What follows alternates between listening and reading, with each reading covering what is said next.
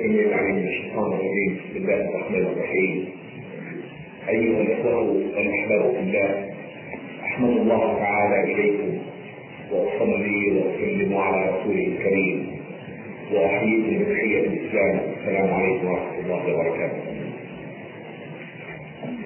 في مطلع حديثي لا بد أن أتوجه بالشكر إلى أخي الدكتور أبو عادل.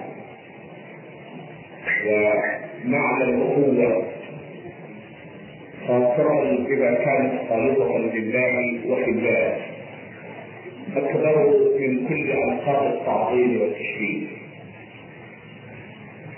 فمن لا يشكر الناس لا يشكر الله. في حدود علمي كانت هذه المحاضرة مقصورة على مدرسة ابن سينا الثانوية ولكن شاء حسن ظنه بي أن تكون محاضرة عامة حتى تعم فائدة وأسأل الله تعالى أن أكون عند حسن الظن. وأن يعينني على أن أكون أهلا لهذه الثقة وأشكر الحضور جميعا. وقد حضر كثيرون منهم دون أن يعلموا عنوان المحاضرة. فقد علمت بالإعطاء أن البطاقة التي وجهت فيها الدعوة سقط منها عنوان المحاضرة. ولكنهم كما أبلغني بعض منهم أتوا ثقة في المحاضرة لا رغبة في موضوع المحاضرة وهذا وضع على كاهله من الأحصان ما أسأل الله تعالى أن يعينني على حمده أما بعد أيها الأحباب فإن القرآن الكريم يلح على الناس عامة وعلى المسلمين خاصة أن ينظروا في هذا الكون. والآيات القرآنية في ذلك أكثر من أن تحصى بسم الله الرحمن الرحيم. إن في خلق السماوات والأرض واختلاف الليل والنهار لآيات لأولي الألباب الذين يذكرون الله قياما وقعودا وعلى جنوبهم ويتفكرون في خلق السماوات والأرض. ربنا ما خلقت هذا باطلا سبحانك فقنا عذاب النار. بسم الله الرحمن الرحيم. لخلق السماوات والأرض اكبر من خلق الناس ولكن أكثر لا يعلمون. والايات أكثر من أن تحصى في هذه المحاضرة. يحصي علماء التفسير ان بالقران الكريم من الإشارات إلى أشياء هذا الكون ما يغدو على الألف آية صريحة. وكثير من الآيات التي دلالتها تحتاج إلى شيء من التفسير أو غير صريحة الدلالة وهذا يدلنا على عظمة النظر في هذا الكون على ضرورة النظر في هذا الكون. هذا الكون فإن الكون كما تعلمون صنعته الله ويستطيع الإنسان بحسه المحدود وقدراته المحدوده أن يرى في كل جزئيات من جزئيات هذا الكون آية من آيات الله وفي كل شيء له آية تدل على أنه واحد ماذا أبدأ؟ من أين أبدأ؟ وماذا أقول؟ الكون لغة هو كل مكان كل موجود جزء من هذا الكون. وان كان العلماء يحاولون أن يقصروا خطه الكون أو علوم الكون على الأشياء المادية الملموسة هذه الأجرام الكونية وتلك القوانين الطبيعية التي تحكمها. وإذا أردنا أن نبدأ بالحديث عن الكون لابد أن نبدأ من الأرض. هذه الكره أو شبه الكره التي نحيا عليها والتي عن طريقها تعرف الإنسان عن الكون قبل أن يصل إلى شيء من أطراف ذلك الكون. الأرض التي يقصد القرآن الكريم على أن بها آيات وفي الأرض آيات للموقنين هذه الكره عجيب أمرها. شبه كره المنصر تزن ستة آلاف مليون مليون مليون طن معلقة في الفضاء. لها قشرة خارجية يتراوح طولها بين خمسة كيلومترات وخمسين كيلومترا تقريبا. هذه القشرة تتكون من الصخور على تباين أشكالها وهيئاتها وصورها والصخور كلها أصلها واحد تحت هذه القشرة نطق ست لب داخلي مصمت يحمل غالبية مادة الأرض يتكون كما يتخيل العلماء من استقرائهم لصفات الأرض من مواد عالية الكثافة. الحديد والنيكل تعرف بلب الأرض واللب لبان كرة منقطة في الوسط وإظهار خارجي يعتقد العلماء من الهزات الأرضية ومن استقراء صفات الأرض الظن العامة أنه فارغ وقع في اللب الثاني. يلي ذلك ثلاث أنماط بلا شيء وشاح خارج داخلي ووشاح وسطي ووشاح خارجي ثم إنسان من القشرة الأرضية.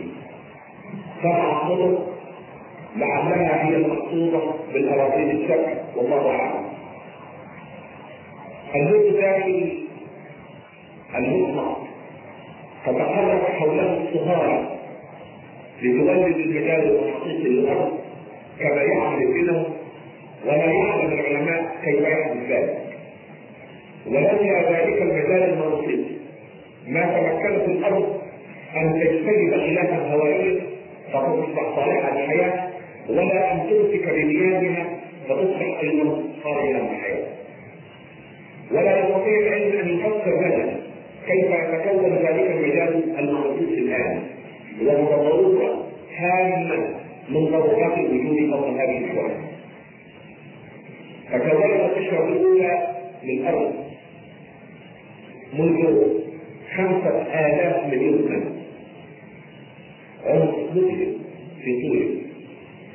فكذلك هذه القشرة من الصخور النارية وسميت كذلك بأنها تتكون من تجمع الصهار الأولى.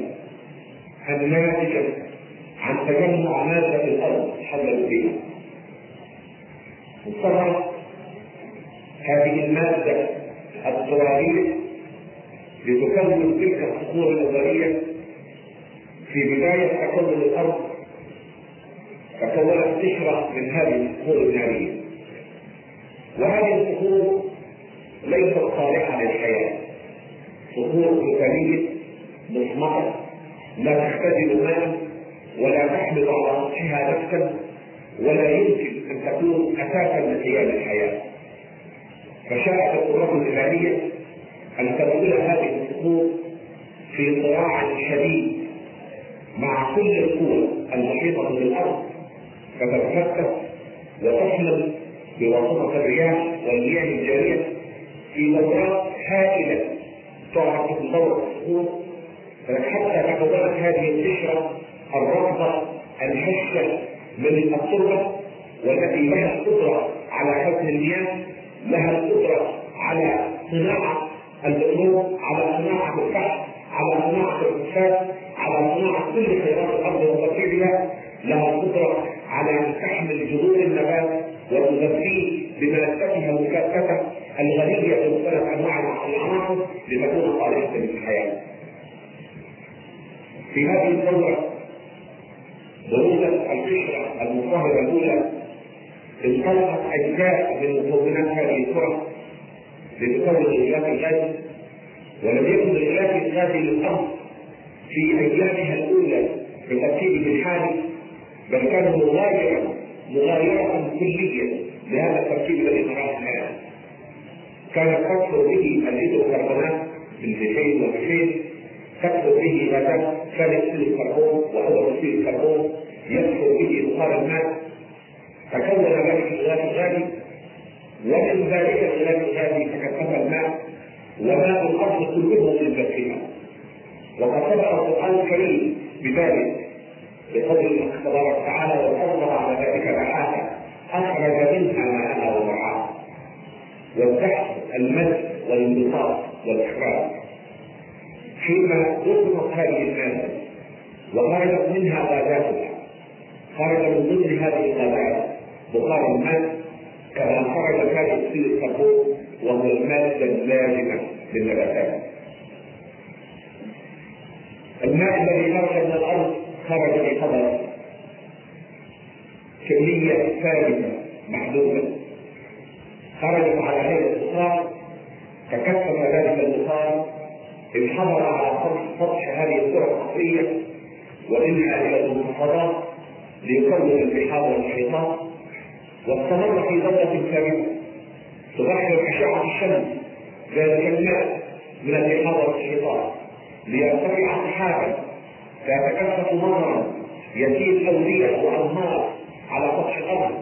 وقد كان هذا الماء في بداية عصره عذبا كل مياه البحار وكل مياه المحيطات واستمرت هذه المياه تزداد ملوحتها مع لدرجة أن كثيرا من العلماء يحاولون تقدير أمر الأرض بإنتاج معدل الزيادة في ملوحة البحار من سنة إلى أخرى.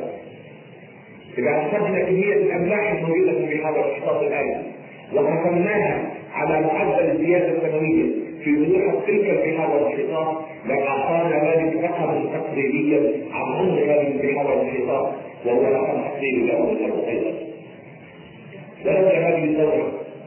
لأتي مال الأرض؟ بعد فترة زمنية قصيرة. تعفن هذا الملح يحفظه من التعفن ومن الضياع. وهذه الدورة تجدد عروقته وتجدد إمداد الأرض بطريقة مستمرة بما تحتاجه من الماء العام هذه الأرض لها غلاف غازي لا يستطيع العلماء أن يدركونه بعد ألف كيلومتر تقريبا. وهو موجود بعد ذلك. ولكن يصل إلى قدر الدقه لا تستطيع الاجهزه العلميه اجراءه كان العلماء يظنون في الماضي أن فتحة الكون كلها قضاء بمعنى انه قرار؟ ولكن لو كان كذلك ما وصلنا ضوء نجم واحد. لكن المادة تنتشر في فتحه الكون ولكن برزقها لا تستطيع الاجهزه العلميه الآن ان تدركها هذا الجهاز الثاني ليس فقط مجازا لوصفة الغازات التي تحتاجها الحياة على سطح ذلك الكوكب الأكسجين أكسيد الكربون وغيره من الغازات ليس فقط مجالا لإتمام دورة المياه من مياه البحار والانحطاط إلى السحب إلى المطر. ليس فقط مصدر الضوء على الأرض فكما تعلمون ايها الأحباب وكما علمنا الله الفضاء أنه إذا خرجنا من نطاق الأرض قليلا 20 إلى 25 كيلو متر دعا الانسان له في ظلمه تامه يرى قرص الشمس قرصا ازرق في صفحه سوداء واما يجعل اشعه الشمس تضيء على الأرض هي تلك الانعكاسات العديده لضوء الشمس. فوق هذه الجسيمات الدقيقة المتناثره في الغلاف الغازي لولا ذلك لأصبحت نهار الأرض مظلما كليل ولكن شاءت الرحمة الإلهية. أن يمدنا بذلك الضياء بهذه الذرات الغبارية التي تنتشر في غلاف الأرض في طبقاته القريبه من الأرض. فيكون انعكاس الأشعة الشمسيه عليها مصدرا من مصادر الضياء الذي لا يوجد فيه الضياء تتضاءل في ظل هذا الوهج ضوء النجوم المشتعل المستعمل تضاءل كل اضواء السماء بجوار هذا الضوء الناتج عن انعكاس اشعه الشمس فوق هذه البطينات الصغيره هذا الكلام الذي يحمي الأرض من كوارث شديدة.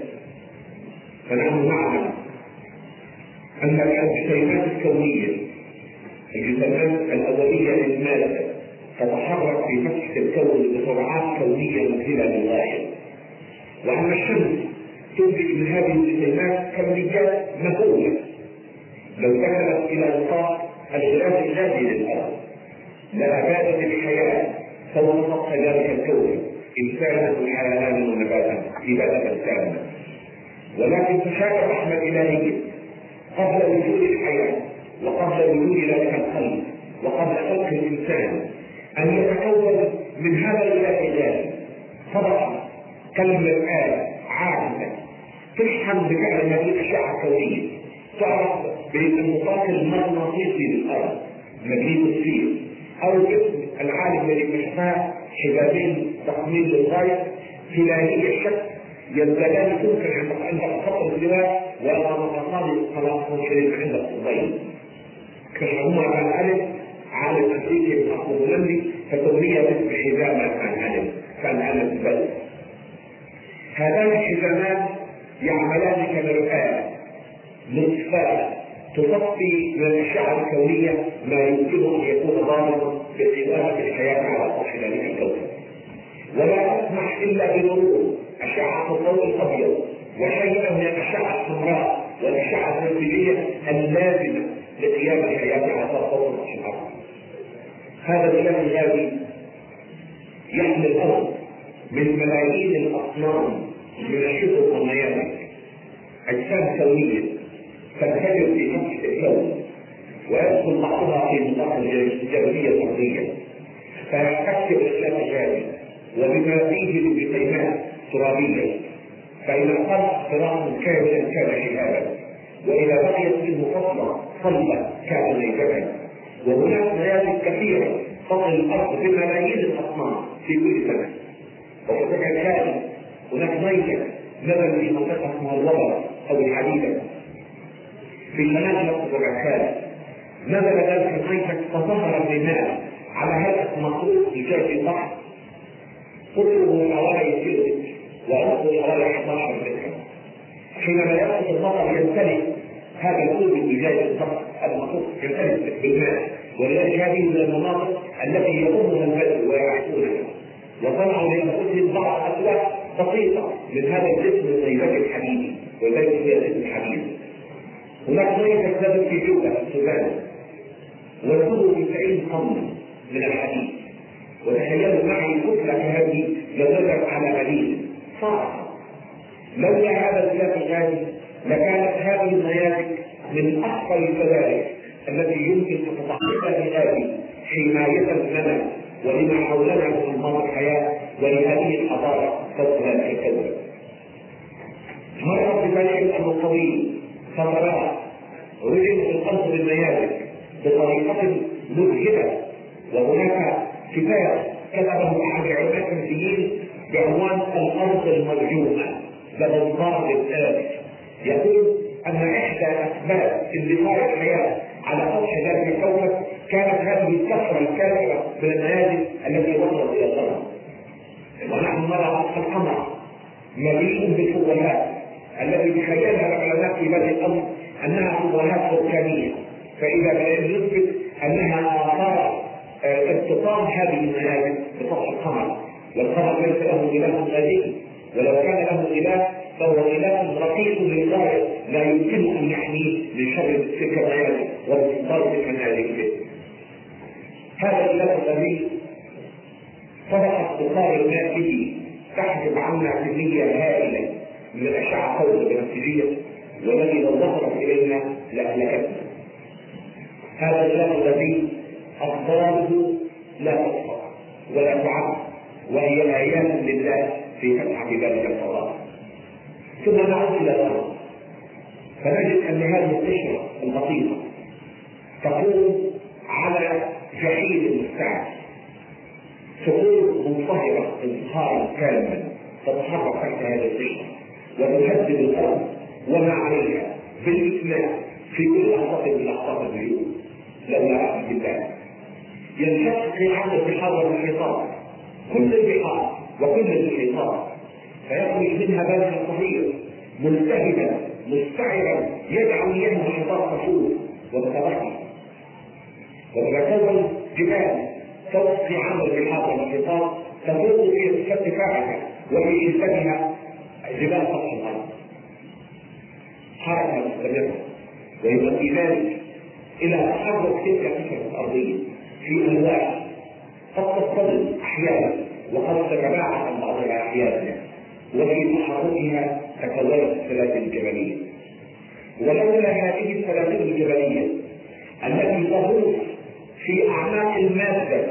تغوص تختلف هذه القشره وتثبتها فيما هو تحتها لما امكن للحياه أن تقوم على سطح ذلك الكون يقول المصطفى صلى الله عليه وسلم كانت الأرض في بدء خلقها صبور فأرساها الله بالجبال. ويختلف العلماء منذ سنوات قليلة أنه لولا هذه الجبال لكانت حركه هذه الألواح. لا تسمح ببناء بيت ولا برسم طريق ولا بقيام نفس ولا ولا أي صوره من صور العماره على الإطلاق.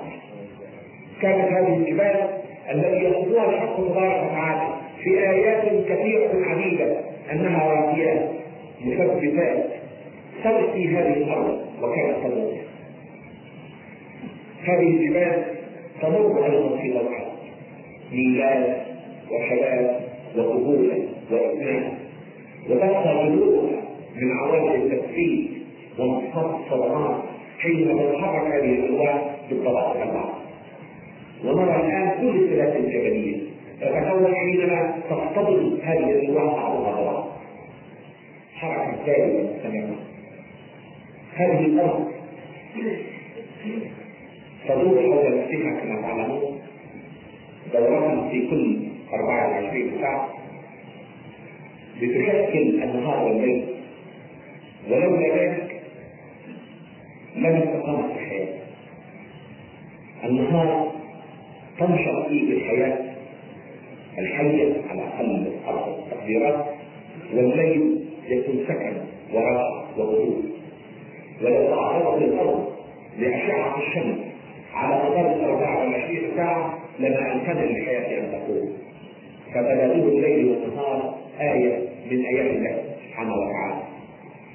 هذه الأرض تدور حول الشمس وهي في دورانها يميل محورها محورها على الشمس 23 درجة فتكون الفصول صيف وربيع وخريف وشتاء في تبادل مستمر لكي يعين الأنماط المختلفة من الحياة أن تزدهر وتكون كل في فصله الخاص به ولولا ذلك لم تحصل للحياة وجود الحركة الشديدة هذه الأرض التي تتفجر النيران من تحتها تحت بحارها الرطبة تحت مياهها العذبة تحت مياهها المالح تتفجر هذه النيران تحت كل الصخرات وتحت الصخرات الجبال. تؤكد للناس في كل وقت وفي كل حين أن الإنسان ليس هنا في دار الحدود أنه محاط بالمقاصد من كل اتجاه من تحته ومن فوقه وعن يمينه وعن شماله ومن أمامه ومن خلفه. وانه محتاج في كل لحظة من لحظات وجوده وفي كل آن من أوان عمره إلى رحمة الله سبحانه وتعالى. ولذلك كان من أحب دعوى رسول الله صلى الله عليه وسلم إلى قلبه. اللهم لا تكلنا لأنفسنا ولا لأحد من خلقك طرفه عين ولا أقل من ذلك لو ادرك الإنسان ذلك أنه يحيا فوق كره المسرح معلقة في الفضاء محاطه بالمخاطر في كل اتجاه ما نسي أن يطلب رحمه الله في كل وقت وفي كل حين. هذه الكره أيها الأحباب كان الناس يتخيلون في الماضي يقول شرحها. لو لو أمضي هذه المحاضرة بين وتعالى وعلى أيام الله فيها ولكن دعونا أن ننتقل الأرض قليلا إلى ما نسمع كلمات الحديث الماضي من هذه اللغة هي كل الكون وهي مركز الكون وأنها وسعها الصغير القمر الذي لا يقع عنا باكثر من 640 إلى 400 ألف كيلومتر والذي تخيل الناس حين وصلوا إليه أنهم أتوا بما لا يمكن أتوا بالقوارب. حقيقه أنه أمر عظيم أن يستطيع الإنسان أن يصل إلى القمر ولكن أين القمر من فتح السماء؟ بدأت نملة في محيط ذات للغاية 600000 إلى 400000 كيلومتر في كون مذهل الارتفاع كلمات الحديث الماضي الأرض هي كل الكون أو مركز الكون وأن كل ما من قمر ونجوم وشمس. إنه صنع من أجل هذه الأرض وأنها زينة للسماء التي تحيط هذه الأرض. فإذا العلماء يدركون أن الأرض أحد كواكب تسعة تدور حول الشمس كل منها يدور نفسه دورة تشكل الليل والنهار ويدور تدور في مدار بيني إجليلي حول الشمس تكون الشمس إحدى ركعتين في هذا المدار دورة تشكل سببا وأنه كلما قربت الكواكب من الشمس كلما ارتفعت عليها درجات الحرارة وكلما بعدت عن الشمس كلما قلت عليها درجات الحرارة وأن المسافة بين الشمس وهذه الكواكب الست تتراوح بين 58 مليون كيلو مترا وستة آلاف مليون كيلو مترا. وأن المسافة بين الأرض والشمس تبلغ 150 مليون كيلو مترا. مسافات هائلة مذهلة للغاية وأن من هذه الكواكب ما له أقمار وما ليس له أقمار وما له أكثر من قمر وأن هذه الكواكب كل منها له طبيعة خاصة به له صفات مميزة له له تركيب خاص بطبعه وحجمه وكتلته وبعده عن الشمس لكنها كلها تدور حول نفسها وتدور الشمس وتخيل النفس الماضية ان الشمس هي مركز الكون. فإذا بالعلم يؤكد أن المجموعات الشمسية ما هي إلا هباء فظيع في كون مذهل في وفي تكوينه وأن هذه المجموعة الشمسية تدور حول مركز أكبر في تجمع المعركة في المجرة وأن المجرة التي تتبعها المجموعات الشمسية وقد عرفها المسلمون الأوائل بسكة السبانة أو ضرب الأسبانة تخيل منهم أنها تشبه في ظلمة الليل حامل الكتب فتناثر منه الكتب في ظلمة الليل أو حامل الحديد فتناثرت قطاع من الحديد تمثل ضياء هذه النجوم في صفحة الليل السوداء سموها فكرة السربال أو ضرب اللسان هنا في هذا الجسم تعرف المسافات الأرضية لم يستطع العلماء أن يقيسوا بالجزء والميل. فنزلوا إلى وحدة سياسية أخرى. سموها السنة الضوئية والسنة الضوئية كما تعلمون جميعا هي المسافة التي يقطعها الضوء بسرعته المعروفة 300 ألف كيلومتر في الثانية في بلد مثلهما ولكي نحسب هذه المسافة علينا أن نضرب 300 ألف كيلومتر في السين يصبح في الدقيقة ثم في 60 يصبح في الساعة ثم في 24 يصبح في اليوم ثم في 365 ونص يصبح في زمن مثلهما وهي مسافة مذهلة للغاية تبلغ حوالي 9 مليون مليون كيلومتر قد أدرك العلماء أن أقرب النجوم إلى المجموعات الشمسية يبعد عنا أربعة وسبعين من عشرة سنة ضوئية وأن النجم الأفقي يبعد عنا أربعمائة سنة ضوئية ومع ذلك أن الضوء الذي يصلنا من هذا النجم صدر منه منذ 400 سنة. وقد يكون ذلك النجم قد غير مكانه بالكامل أو انفجر وانتهى تماما. ولذلك تدركون تلك العظمة التي أشرت إليها في آية قرآنية في محاضرة سابقة شرفتني وهي التعليم بإلقائها في الزمان في هذه السنة. حينما تحدثت عن الصفوة الإلهية في سورة الواقعة حينما يقول الحق تبارك وتعالى فلا أقسم بمواقع النجوم وإنه لقسم لو تعلمون عظيم لم يقل لا أقسم بالنجوم سبحانه وتعالى. لكن لا أقسم بمواقع النجوم لأن الذي يراه الإنسان هو مواقع متعددة للنجوم. وقد يكون النجم خرج ذلك المكان تماما. خرج عنه تماما. ولا يزال الصوت يسري إلي منه. ولعلكم سمعتم منذ أيام عن ذلك الحدث الذي تكلم به بعض علماء الفلك اليابانيون حينما أثبتوا أن النجم انفجر منذ فترة زمنيه طويلة وأن الصوت ذلك البيت لا زال يصل إليه. منذ ألاف حدث وأثبتوا انفجار باسلوب علمي دقيق ولا يزال الصوت يتصل اليه من ذلك النجم. آية من آيات الله هذه المجله التي تدفعها المعاصر الشمسيه قدس. يحوي مئة ألف مليون نجم الشمسية مئة ألف مليون نجم الشمسية ووحدة البناء الكون تؤكد أنه لا بد لكل من هذه النجوم من كواكب كما أن الشمس كواكب كواكب وكويكبات وأقمار ومكتبات وشهب وليالي تماما. كما في المعادن الشمسية وأن هذه المجرة يبلغ طولها مئة ألف سنة ضوئية. مئة ألف سنة ضوئية. وأن المجموعات الشمسية توجد عند أحد أطرافها تبعد 30000 سنة ضوئية عن المركز و20000 سنة ضوئية عن أحد اذرع ذلك القطب وأن مجموعته الشمسيه تدور حول مركز المجره دورة. كل 200 مليون سنه تتم هذه الدورة مرة كل 200 مليون سنه وقد تخيل العلماء في بدء الأمر أن المجره هي كل الكون فإذا العلم يؤكد أن للسماء من امثال مجرتنا أكثر من عشرة آلاف مليون مجره لكل منها أعداد خياليه من النجوم فهناك من ما هو أكثر من مجرتنا وهناك ما هو من مجرتنا ينتظمها نظام غاية الدقه وغاية الإحكام وغاية الاعجاز كل يدور في مدار ثابت محدد حول نفسه وحول مركز الله. الأكبر الاكبر بطريقه مضطربه دون انقطاع ودون انقطاع ودون خلل وكان ذلك منذ ملايين السنين.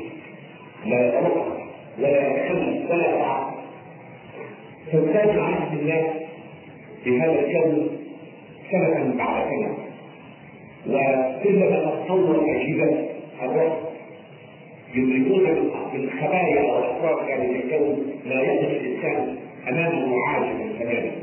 مسجل كل التفكير يدرك العلماء أن الكون المنظور يبلغ قطره 36 ألف مليون سنة ضوئية 36 ألف مليون سنة ضوئية تجمعات ضخمة عماقيل من هذه المجرات المجرة في تجمع مجري تجمع مجري في جزر مجرية تحقيق مستمر. ثم بدأ العلماء يدركون أن السماء من صور المادة ما لا يعرفونه على الأرض. فهناك الناظرات وهي الكرام تكتب فيها كتابة المادة رقم الخيالية. وهناك شبيهات النجوم وهناك الثقوب السوداء وهناك السلم والسلم أماكن لخلق النجوم تتخلق فيها النجوم الآن. أجسام ذاتية دخانية معتمة فيها بقع مضيئة تتخلق فيها النجوم. والنجوم لها دورات كما أن لكل شيء في هذه الخلق في هذا الكون دورة. ميلاد شباب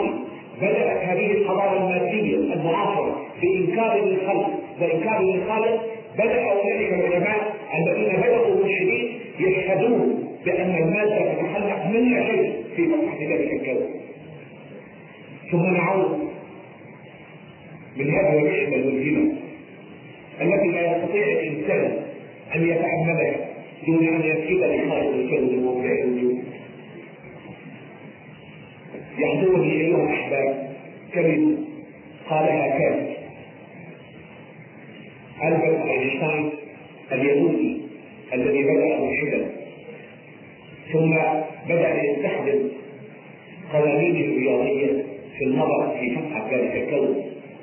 فكتب كتابا عنوانه من أيام الأخيرة. يقول فيه إن أعظم خاطرة يمكن أن تعيش بها النفس البشرية بل تلك المعاني التي تنفعل في ذات الإنسان حينما يحدث تأثير في ذلك الكون. إنه يستطيع أن يدرك بعقله المحدود وحسه المحدود وإمكاناته المحدوده أنه أمام ظلام ذلك ولكنه يستطيع أن يكتشف من وراء ذلك ضلالا جمالا ما بعده جمال وكمالا ما بعده كمال واعجازا ما بعده اعجاز ثم يضيف إن هذا الموقف عندي هو موقف التعبد عند الخلاق يزيد إن انسانا يحيا في هذه الدنيا دون أن يقف هذا الموقف ولو مرة هو حي يحضرني امرأة كتبت كتابا في علم الفلك وكتبت في مقدمة ذلك الكتاب امرأة امريكيه تقول إن ذلك مكان.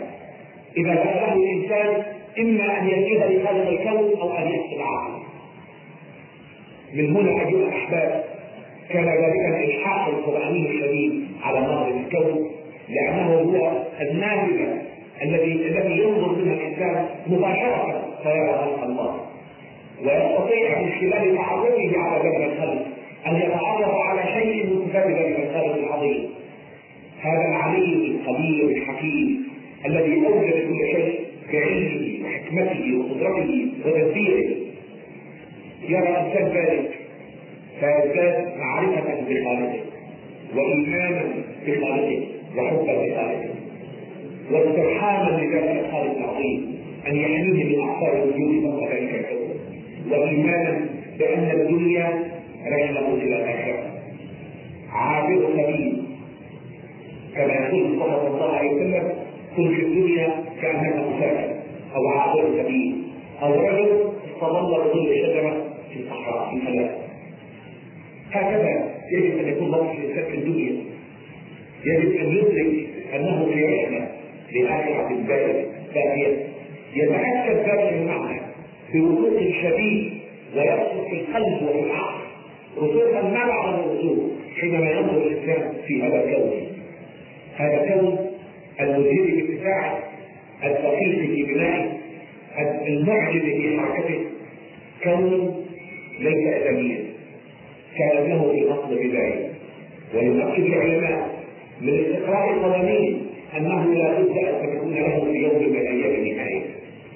هذا الكون الذي يتسع بطريقه مستمرة وهنا ألقي على مسامعهم تلك الآية الكريمة حينما قل تبارك وتعالى والسماء بنيناها بعلم وإنا لمرجعون وتحدثت عنها في المرات السابقة من الذي علمه محمد صلى الله عليه وسلم أن الكون يتسع وهي الحقيقة لم يعرفها الإنسان إلا في مقطع ذلك القرن. ابن القرن في مطلع هذا القرن كان أول من يتحدث عن اتساع الكون. ويقول العلماء أن هذا الكون الذي يتسع إذا عرفنا بذلك الاتساع إلى الوراء مع الزمن لابد أن تلتقي هذه المادة في جرم كوني واحد. واقرأوا إذا شئتم قول الحق تبارك وتعالى بسم الله الرحمن الرحيم أولم يروا الذين كفروا أن السماوات والأرض كانتا رتقا ففتحناهما وجعلنا من ذلك شيء حي. هذا الجنون الابتدائي كانت له بداية يحسبها العلماء ويقدرون أن هذا اليوم الأولي الذي نشأت عنه مادة الكون كان منذ خمسة عشر ألف مليون سنة. 15 مليون سنة. كون قديم يعكس قدم الله يعكس تشبه من صفات الله ولكنه كون مخلوق له بدايه ولا بد أن تكون له في يوم من الأيام نهايه ويكفي في ذلك ان تشير إلى أن الحرارة تنتقل في فتحه هذا الكون من النجوم إلى الاجسام الباليه فالكواكب والأقمار والفلكات فتولد في خاصه نتيجه الاتحاد النووي يحتاج الهيدروجين في قلب هذا الشمس هذه الشمس هذا ماده من الغراب يحتاج إلى كحل بعملية من الانزيم النووي ليكون هذا الهيدروجين وهذا الهيدروجين هذه الشمس فتنطلق الطاقه الهائله هذه النجوم تنتقل الحرارة منها بطريقه مستمره إلى الأجسام البعيدة كما تنتقل الشمس إلى الأرض وشمسنا تفقد في كل ثانية من وزنها أربعة آلاف وستمائة مليون طن. في كل ثانية أربعة آلاف وستمائة مليون طن ولذلك إلى نهاية.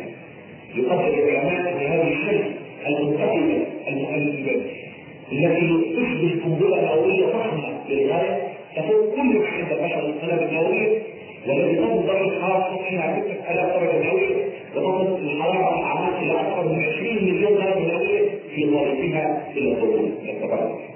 لأن الحرارة تنطلق من أجسام الحارة إلى الأجسام الباردة ولو استمر الأمر كذلك فتتساوى درجات الحرارة في الحياة يبدأ يتساوى. فيقدر العلماء ان هذا الكون لم يكن أبدا البليه ولم يكون البليه بل لابد أن كانت له في يوم من الأيام بدايه يحددها العلماء ولابد أن تكون له في يوم من الأيام نهايه نراها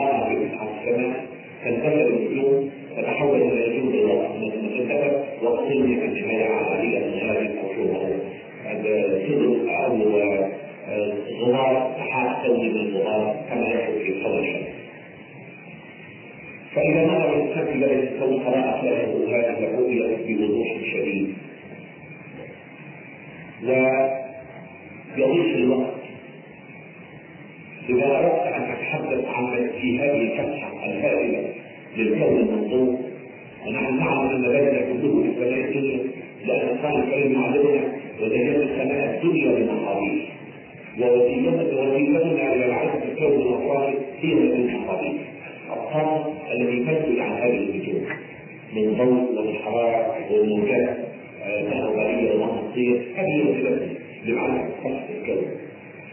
هذا الكون يعرف الإنسان أن يفيد حقه أن يفيد تصويره أن يوصي ما فيه من صور الإعجاز وصفا وبيانا ولكننا نعود قليلا إلى الوراء إلى الأرض من جديد. في نظر حبيبي أن هذه الأرض. تتكون الشر الخارجية من الصخور والصخور أصلها كلها واحد الصخور النارية نبذت عن الصخور الرسوبية ثم بمحولهما عرضهما الضغط والحرارة تنتج الصخور المتحولة وقد تنطلق كل هذه الصخور وتتحول إلى من جديد تكون صخور نارية وهذه دورة الصخور كما أن لكل شيء تكون دورة هذه الصخور تتكون من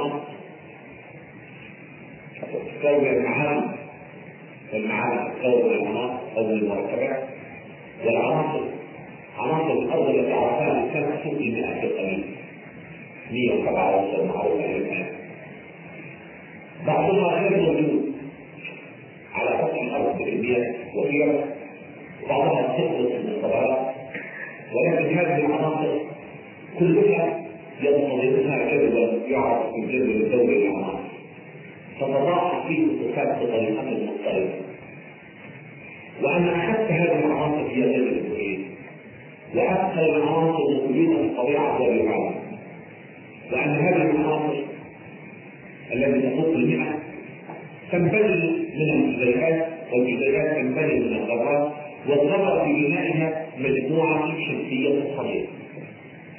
شمس في الوسط هي الإمام تمثل غالبية كتلة الذرة والشحنة الموجبة عليه ومصدر الهيمنة النظام بروتونات يعني أن الهواء التي بها غالبيه ماده الذره ثم حراره الضغط للغايه يحيط بها يمثل حراره الكون حراره المجموعه الشمسيه وأن هذه الالكترونات الدقيقة تمثل هذه الافلاك هذه الكواكب التي تدور حول الشمس.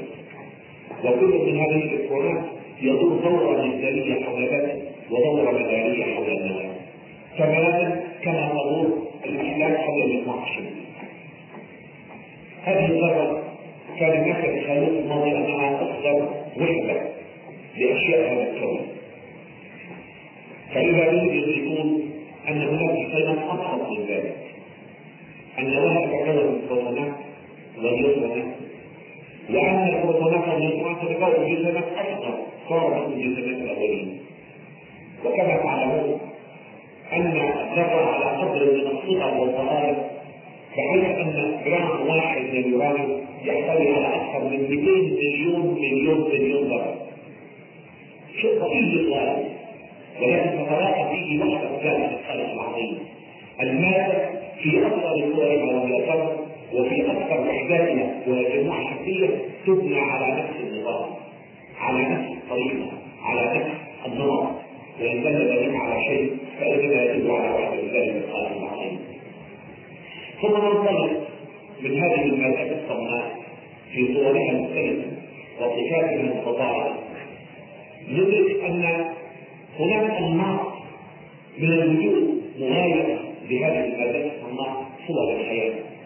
تحت الأرض على سطحها مليون ونصف نوع من أنواع الحياة.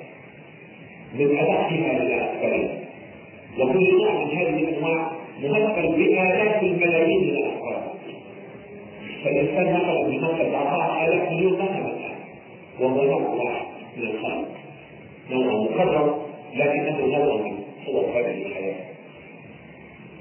مليون ونصف نوع من انواع الحياة وحدة اجتماعية هي السليم مواد الوقت تشبه مواد الضرب والجسيمات وسائل يدور حول هذه المواد والمواد تحمل من الصفات ما يمكنها من الهيمنة على الخلية بالأكمل وأن هذه الحياة في مقاصد صغيرة وفي وحداتها الكبيرة تقوم بكل وظائف الأعضاء التي تحتاجها الحياة.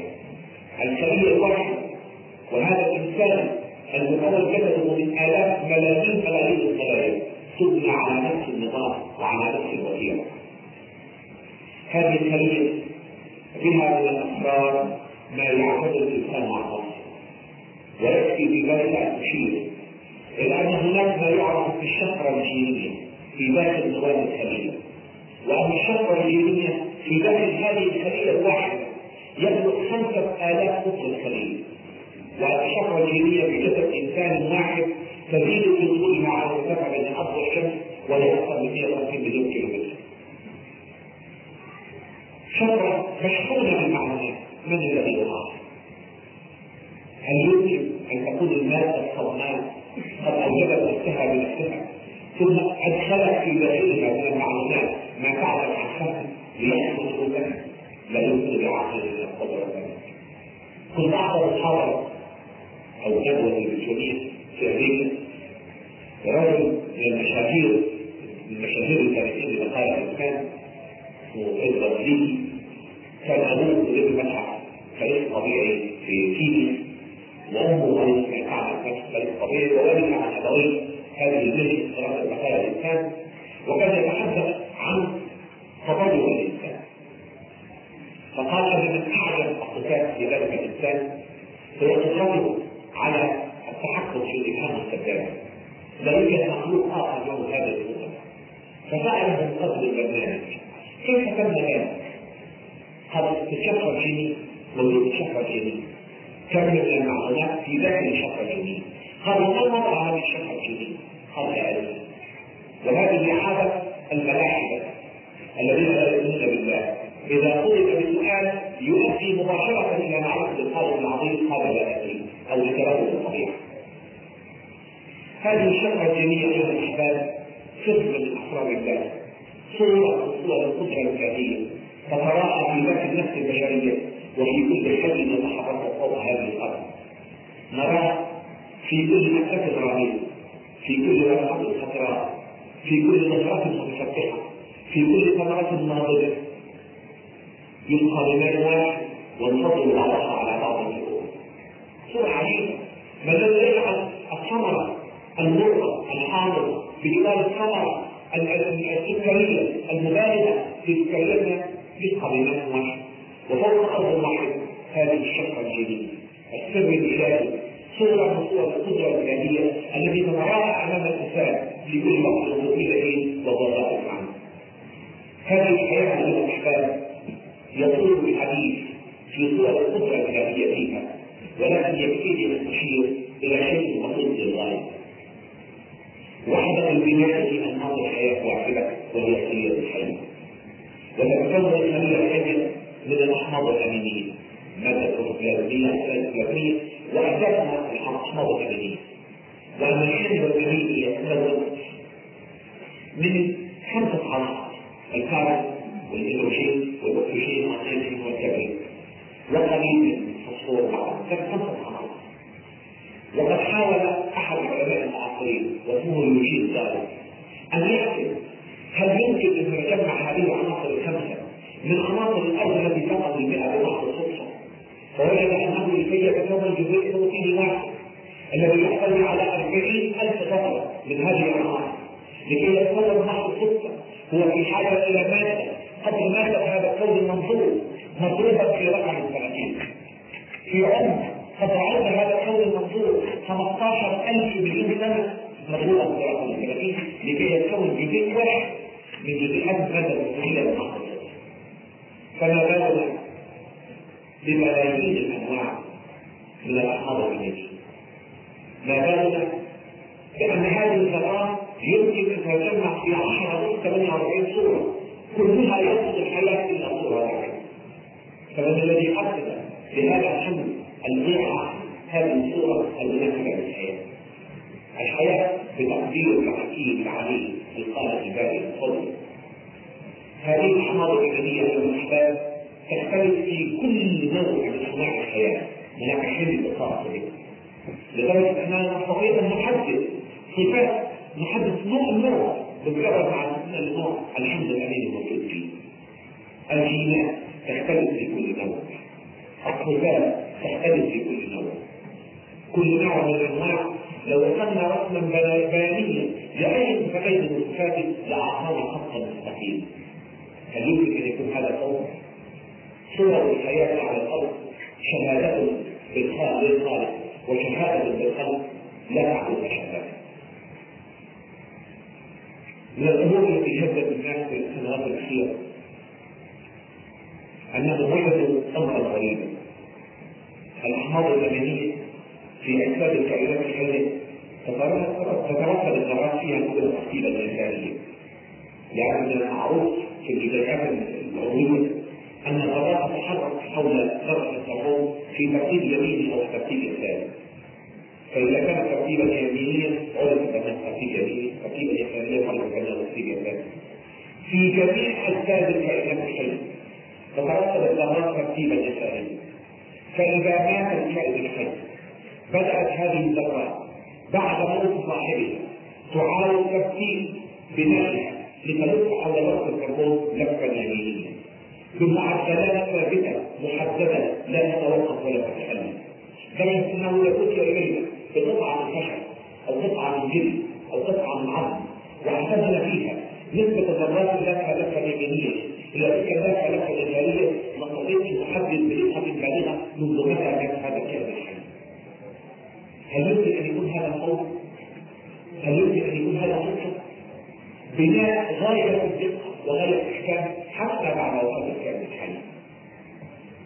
لو لم أطيل عليكم أكثر من ذلك ولكنني أستطيع أن أقول أيها الأحباب أن في الكون صورة من صور التعرف على الخالق العظيم صورة من صور الإيمان بالقدرة الذاتية في إحكام ذلك الوجود مجرد أن تحصى هذه التجربة السماوية مرتبطة بمكانها بدورانها بحركتها عبر هذه الملايين من السنين آلاف الملايين من السنين شهادة بذلك الخالق العظيم شهادة بهذه القدرة الإلهية فهذا الكون المثير في الساعة المثير في بنائه المثير في حركته لا يمكن أن يكون قد أوجد نفسه بنفسه ولا يمكن أن يكون طويلا تحت الصدفه بل لابد له من موجب عظيم هذا الموجب العظيم لابد له من صفات ما يغاير صفات مخلوقاته كامله ليس كمثله شيء لا يحدثه المكان ولا يحدثه الزمان لأنه سبحانه وتعالى كان قد علم فوق المكان وسيكون بعد أن يزول المكان. فلا يحدثه المكان ولا يحدثه الزمان ومن هنا كان تمييز رسول الله صلى الله عليه وسلم لا تفكروا في ذات الله وتفكروا في الكتاب. لأن